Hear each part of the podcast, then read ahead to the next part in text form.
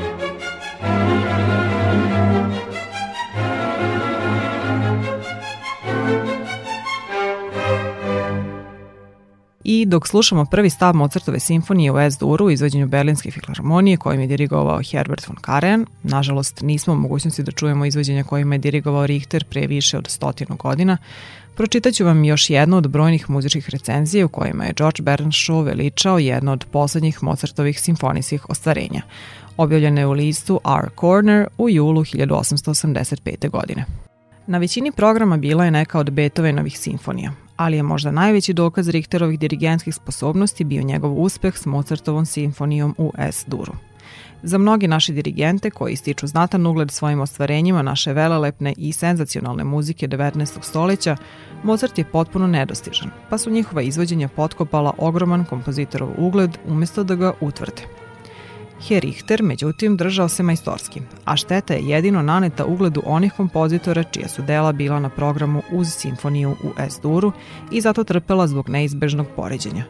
Zanimljivo je zapaziti da u dva poslednja stava ovog dela moć muzike za stvaranje histeričnog uzbuđenja Mozart koristi veoma istančanim ukusom i uz neodoljivo razdragano raspoloženje, da bi slušalce oslobodio napregnute pažnje koji je zahtevao ozbiljniji deo kompozicije a to se čuje čak i kada se ova moć Mozartove muzike upotrebljava ili zloupotrebljava samo kao sredstvo za nadraživanje, što je jedina moć zbog koje je izgleda ceni 19. stoleće. Da je mogao predvideti kako će ovu napola šaljevu stranu njegove umetnosti njegovi naslednici najozbiljnije razraditi i kako će njegove velike kompozicije nekim muzičarima kasnije generacije izgledati nezanimljive, kao što je po svoj prilici recitovanje Šekspira dosadno dervišu koji leleče, možda njegova prerana smrt ne bi bila bez utehe.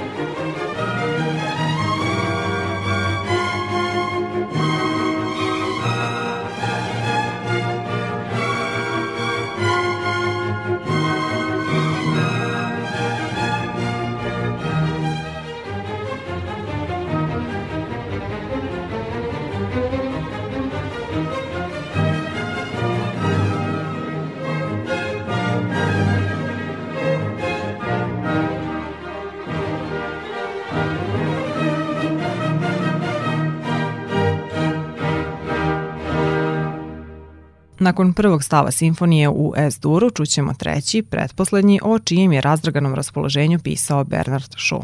I dalje slušamo izvođenje Berlinske filharmonije na čelu s Herbertom von Karajanom.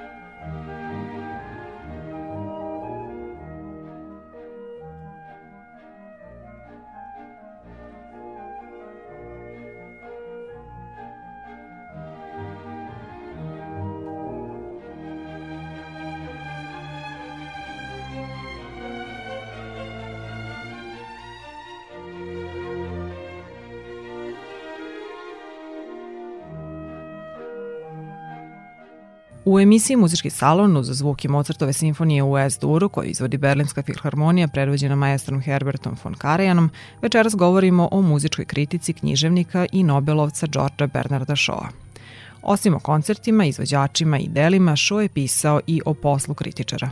Pročitaću deo članka objavljenog u listu The World aprila 1892. godine naslovljenog Promenljive ćudi kritike.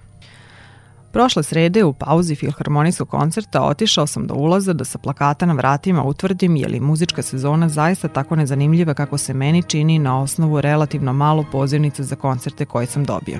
Jer ja nikad nisam sasvim siguran koliko se muzičkog života odigrava iza mojih leđa. Ljudi kojima je stalo do vašarske hvale otpisali su me kao izgubljen slučaj. Koncertni organizatori koji ne podnose da im se kaže istina o njihovim priredbama klone me se kao da sam kužan. Razmaženi ljubimci publike koji zbog jedne kritičke primetbe dobijaju napade veličanstvene durljivosti, nekritički zaštitnici i zaštitnice mekog srca koji u meni vide čoveka velike moći, u stanju da ukaže milosrnu pomoć i izvuče iz škripca ljude koji su pogrešili profesiju, svi oni vide kao na dlanu, pošto tolike pohvale rezervišem samo za dobrostojeće umetnike, da moje pozitivne kritike svakako moraju biti rezultat poziva, piletine i šampanjca, osmeha koje mi upućuju lepotice i novčanica od 5 funti, premda sam daleko od želje da obeshrabrim takve unovčive iluzije. Pravi entuzijasti opet kad god ne pohvalim njihove ljubimce, umetnike i kompozitore, smatraju da sam neznalica koji piše muzičke kritike da bi utolio svoju urođenu mržnju prema uzvišenom i lepom. Ukratko, uvek postoji deo muzičkog sveta koji je potpuno ubeđen da sam ja, kao onaj poverilac što je strpao sama Velera u zatvor za dužnike, pakosna, zlovoljna, koristoljubiva, zlobna, osvetoljubiva kreatura bez trunke osjećaja u srcu. Ako osoba u stanju ovakve bezazlene i trenutne ludosti priređuje koncert ili nastupa u operi, mene ne pozivaju, a pošto nikad ne dozvoljavam da na mene utiču reklame ili kritike, jer ih i ne čitam, lako se može desiti da budem u svako doba najlošije informisan čovek u Londonu o tekućim muzičkim zbivanjima, osim o kvalitetu izvođenja kojima sam prisustvovao. Ponekad, iako bi trebalo da sam u napadu, povlačim se u samoodbranu. Koncertni preduzetnici koji mi šalju ulaznicu za fotelju u prvom redu partera nedelju dana pre koncerta, a sudski poziv nedelju dana posle, ili su naprasita gospoda urođeno nesposobna da se obuzdaju, pa moraju da se na nekoga istresu, ili su prepredeni poslovni ljudi koji dobro znaju krajnje nepovoljan položaj u koji tužba za klevetu postavlja svakog pisca čija je delatnost potpuno van misalnog domašaja britanske sudske porote. Ali na mene podjednako deluje i jedno i drugo – Čim shvatim da postoji mogućnost sudskog spora između mene i bilo kojeg umetnika ili koncertnog preduzetnika, sa užasom bežim iz te neravnopravne borbe i potom se nikad više ne usudim da otvorim usta ili tačnije da zamočim pero u vezi s takvom kagađijskom osobom. Iznosim ovo letimično zapažanje o zakulisnim stvarima delom i zato da bih zbunjenoj i neupućenoj publici objasnio da čak i najodvažniji i najneobuzdaniji kritičari kažu samo polovinu od onoga što misle o nedostacima izvođenja o kojima pišu, a delom zato da do kraja objasnim razloge zbog kojih sam sišao do uloza u dvoranu u pauzi sa filharmonijskog koncerta, to jeste da ustanovim da li se iza mojih leđa zaista događa ogromna erupcija muzičkih aktivnosti pod okriljem gospode koja svoje poslove od kritike štite firmom Dodson i Fogg. Evo i odlomka iz teksta naslovljenog Kako se postaje muzički kritičar, objavljenog u škotskom muzičkom mesečniku u decembru 1894. Moj put je bio jednostavan. Postao sam član redakcije novog dnevnog lista The Star kao pisac uvodnika.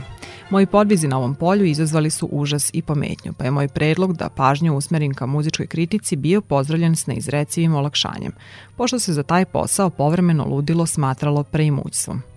Dali su mi rubriku upravo kao što su mi mogli dati i izolovanu sobu u domu za poremećene i od tada pa sve do pre neki dan u periodu od gotovo 7 godina pisao sam svaki nedelje. U tom ili nekom drugom listu članak pod opštim naslovom Muzika, čiji je prvi uslov bio kao pitanje dobrog novinarstva da bude isto toliko privlačan za običnog čitaoca, muzičara i nemuzičara, kao bilo koja druga rubrika lista u kojem je izlazio.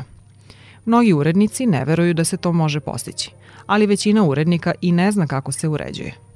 Pokojni Edmund Yates, koji je to umeo, verovao je da je dobra muzička rubrika važno pojačanje za dnevni list.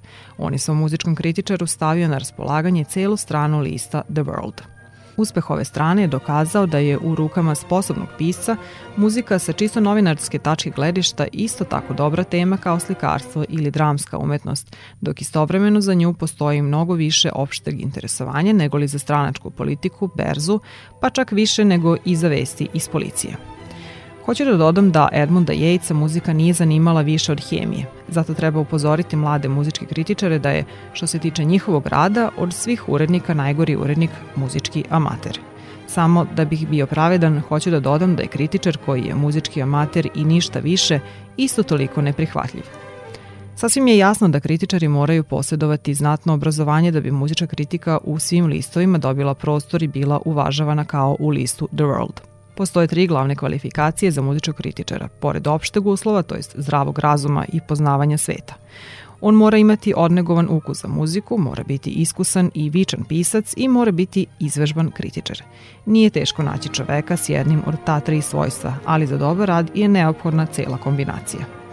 Nije lako navesti sve primere pisaca koji nisu uspjeli kao kritičari jer nisu imali ni literarne veštine ni muzičke kulture – Čovek ne može da postane stručnjak u kritici ako se ne bavi nekom umetnošću, a ako ta umetnost nije muzika, onda se on naravno posvećuje umetnosti kojom je navikao da se bavi, pišući o njoj ako ima potrebne književne sposobnosti, a ako nema, podučavajući druge. Što se tiče umetnika sklonog književnosti, koji nije ni muzičar ni kritičar, on ima mnogo razloga da se posveti čistoj književnosti, kao gospodin Stevenson ili gospodin Rudyard Kipling, i bez iskušenja da svoj prihod dopuni pisanjem tobožnjih muzičkih kritika. Ali pošto iz novinarskih razloga književna kvalifikacija najvažnija, jer nijedan urednik kada dobije zanimljiv rukopis nikad ne pita je li reč o kritici ili o ogovaranju, niti ga brine da li je sa stručne strane bar malo preciznije od izmišljenih upustava za plovidbu na Gulliverovom brodu, nisu redki novinari koji postaju muzički kritičari samo zato što je to jedina mogućnost koja im se nudi i koji svoje nedostatke pokrivaju obiljem opisa i sitnim vestima o muzici i muzičarima.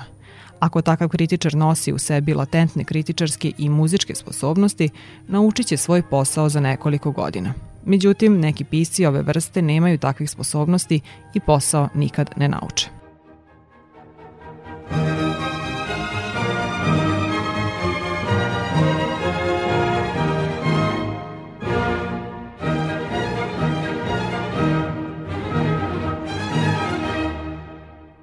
Za razliku od Mozartovog opusa, George Bernard Shaw nije cenio celokupno Beethovenovo stvaralaštvo. Zapravo, kada je reč o simfonijama, samo je devetu isticao kao istinski vrednu.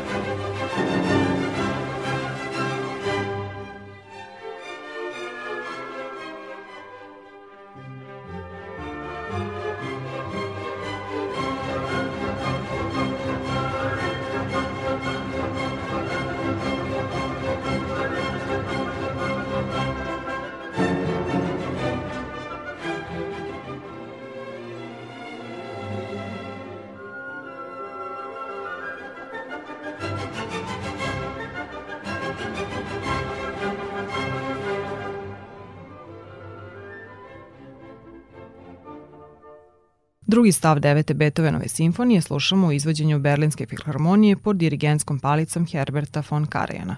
George Bernard Shaw o tom delu u listu The World marta 1893. napisao je sledeće. Izvođenje devete simfonije uvek dovodi u St. James Hall posebnu publiku. Pošto je ova simfonija poznata kao remek delo moderne tonske poezije, obrazovan čovek dolazi da upotpuni svoju kulturu slušajući je.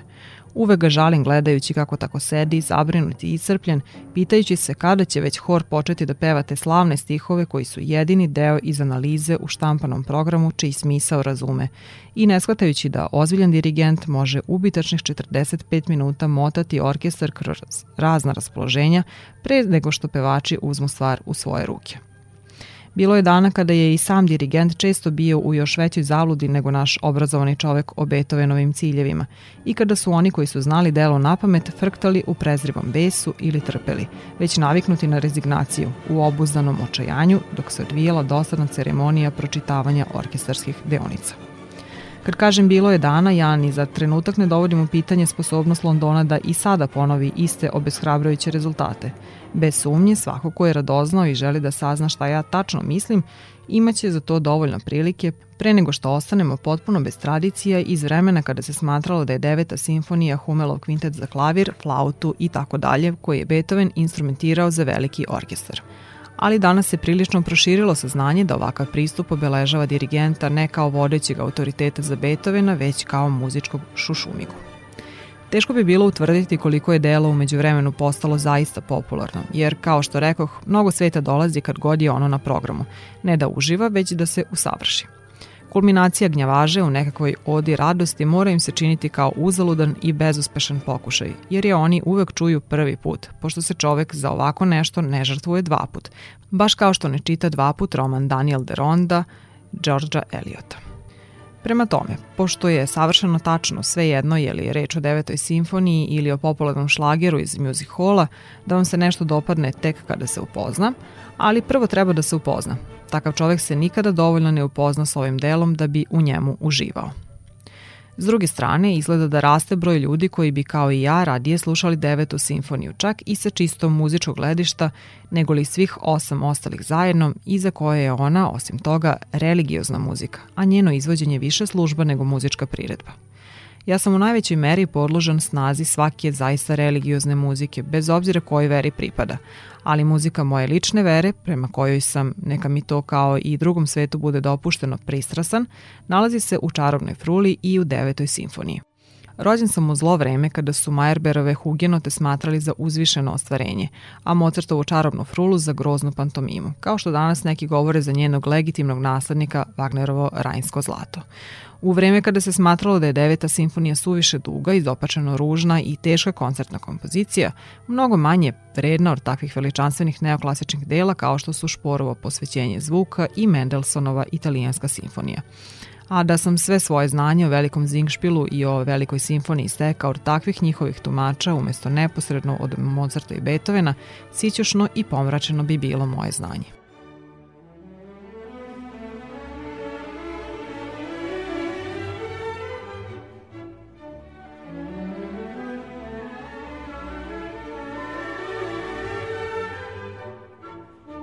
Dirigent Đura Jakšić, koji je krajem prošlog veka preveo neke od šovih muzičkih kritika i objedinio ih u izdanju George Bernard Shaw o muzici, o britanskom intelektualcu rođenom 1856. u Dublinu zapisao je sledeće. George Bernard Shaw je bio autodiktat, praktično u svemu samouk. Priznaje da je od domaće učiteljice naučio da sabira, oduzima i množi, ali ne i da deli, jer su mu njeni izrazi 2 u 4 ili 3 i 9 uvek bili nejasni. Iz srednje škole, koja bi se mogla nazvati tadašnjom nižom klasičnom gimnazijom, nije po sobstvenim rečima poneo ništa osim najelementarnijeg poznavanja latinskog i grčkog jezika koje se svodilo na nekoliko reči i fraza.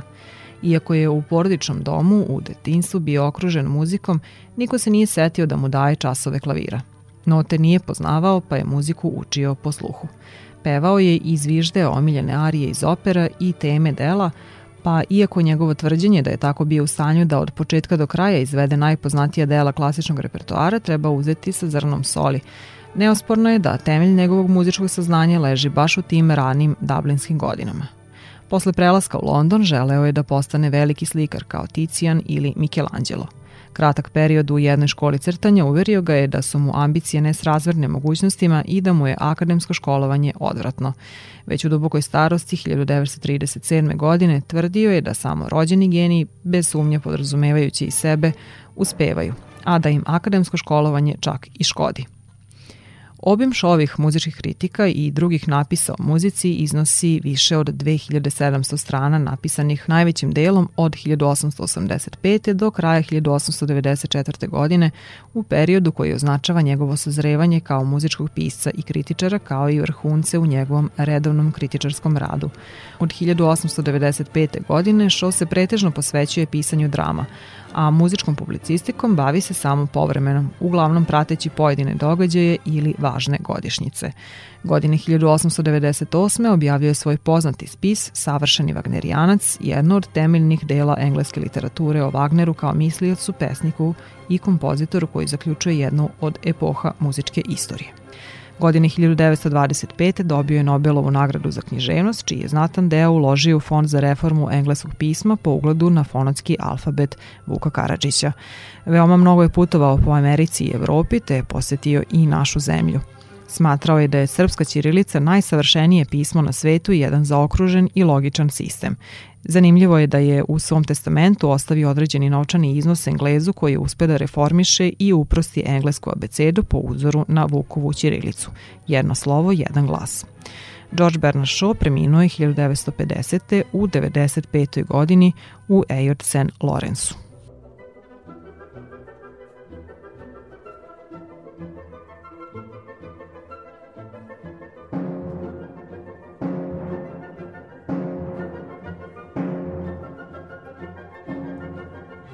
Bio je ovo još jedan muzički salon. Ja sam Jovana Golubović, a emisiju je tonski realizovala Iboja Šanca. Ovo i sva prethodna izdanja muzičkog salona možete poslušati i odloženo na sajtu Radio Televizije Vojvodine. Pozdravljamo vas uz zvuke drugog stava Beethovenove devete simfonije u izvođenju Berlinske filharmonije predvođene Herbertom von Karajanom. Do slušanja.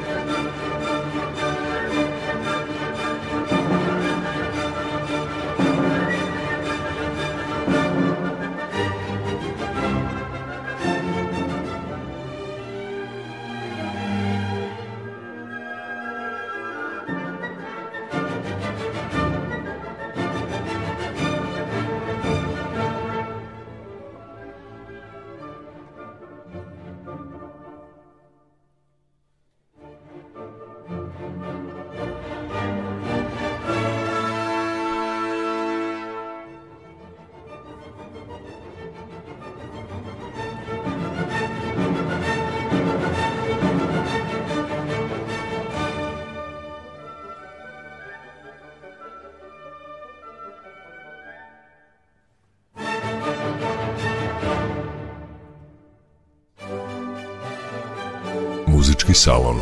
Mesto susreta sa umetničkom muzikom. Muzički salon. Priče